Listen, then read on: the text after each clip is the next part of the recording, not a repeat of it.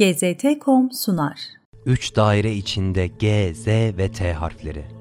Bu videoyu dikkatlice izleyin. Çünkü bugüne kadar masum bir kanal gibi izlediğiniz GZT'nin gerçek yüzünü göreceksiniz. GZT ilk kurulduğunda dünyayı yöneten 7 aileyi ifşa eden bir siteydi. Ancak gerçek GZT 5 yıl önce esrarengiz bir şekilde kapatıldı. İlk bakışta logo gazete kelimesinden türemiş gibi görünse de aslında bu yalnızca algımızla oynayan bir hile. Logonun ilk harfi olan G. Ne ilginç ki masonların da en sevdiği harf G harfi. Z ve T harflerinin sırrı ise şu sözlerde saklı. Today we are here for a big plan. We will get a new site in future. This site will set up in Turkey but will work for us. We will lead the people. We'll make them slaves. İşte masum bir kanal gibi izlediğiniz GZT'nin birçokları için fark etmediği, fark edenlerin ise gizemli şekilde susturulduğu gerçek hedefleri. Şimdilik burada nokta koyalım. Gerçeği ve bizi takip edin.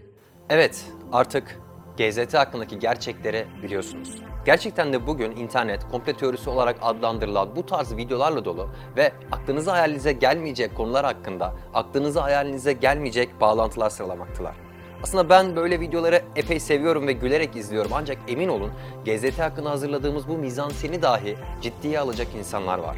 Propaganda serisi ismini ana akım medyanın propagandacı yayın çizgisinden almakta. Yayınlarımda ağırlıklı olarak ana akım medyanın gerçek gazeteciliğe açtığı savaşı işlemekteyim. Bu içeriklerime de haklı olarak şöyle bir yorum geliyor. Ana akım medyaya güvenmeyelim de bu tarz komple teorilerine mi güvenelim? Gerçekten de neye güvenelim? Ne komple teorisi ve ne gerçek gazetecilik? Bilginin düşmanı bilgisizlik değil, yanlış ve yalan bilgidir. Komple teorileri diye adlandırılan bilgilerin de birçoğu bu sınıftadır. Aslında bunu zaten biliyoruz çünkü ana akım medya her gün komple teorilerine inanmayın türünden haberlerle var olsunlar bizi bilgilendiriyor ve bilinçlendiriyorlar. Fakat son zamanlarda ana akım medyanın bazı konuları komple teorisi olarak etiketlemesi eskisi kadar etki yaratmamaya başladı. Çünkü dünyanın dört bir yanında insanlar komple teorisi karalamasıyla önemli konuların gizlendiğine yönelik bir inancın içine girdiler.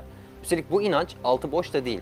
Gerçekten de ana akım medya komple teorisi sözcüğünü, çürütüldü sözcüğünü artık bir doğrulama aracı olarak değil, bir sansür aracı olarak kullanmaya başladı. Hatta örneğini verdiğimiz gibi komple teorileri bu ana akım medya kanalları için adeta bir nimet olmaya başladı. Ne demek istediğimi bir örnekle açıklayayım. Öncelikle gerçek bir haberi alalım. 2019 yılında Bill Gates bir internet portalı olan Reddit'in Bana Her Şeyi Sor oturumu sırasında koronavirüs pandemisi hakkında soruları yanıtlarken koronavirüs için test edilen ve kimin aşı olduğunu da gösterebilen dijital sertifikalar üreteceğini söyledi. 2018 yılında başlayan bu çalışma ID 2020 adını taşıyor ve deriye yerleştirilecek bir verici sayesinde insanlarla ilgili verilere anlık erişmeyi sağlıyor. Çalışmanın resmi sitesinde bu projenin Microsoft'a ait olduğu görülüyor. İlginç olan bundan sonrası. Önce bir grup insan çıkıyor ve Bill Gates insanlara aşı yapma adı altında mikroçip yerleştirecek diyor. Sonra bir ana akım medyanın doğrulama kısmı. Örneğin Reuters doğrulama haber yayınlıyor. Haberin başlığı ise şöyle. Yanlış iddia. Bill Gates mikroçip kullanmayı planlıyor. Doğrulama haberi internette dolanan bir komple teorisini almış. Bill Gates insanlara çip takacak. Sonra da bu haberi çürütmüş. Ancak çürütmenin 4-5 paragraf altındaki cümlede şunu diyerek, Gates Reddit'te katıldığı bir soru cevapta insanların dijital sertifika olacağından bahsetti ancak bunların mikroçip implantları olacağını söylemedi. Yani çürüttüğü metinde dahi Bill Gates'in tüm insanlığı bir şekilde dijital sertifikaya bağlama hayali olduğunu söylemişler. Ancak uçuk bir komple teorisi bulup onu gündemlerine alarak ilk bakışta Gates'in bu söylemlerini karartan bir doğrulama yapmışlar. Bu kişiler aslında insan beyninin çalışma prensibini çok iyi biliyorlar. İnsanların büyük çoğunluğu bir bilgi işittiğinde bunu araştırmak, kaynaklarını kontrol etmek yerine Google'a giriyorlar. Duyduğu bilgiyi yazıyorlar ve eğer karşılarına X iddiası çürütüldü gibi bir ifade çıkmışsa orada duruyorlar. Bu insanların belki sadece %1'e çürütüldü başlığını gördükten sonra siteyi tıklıyor.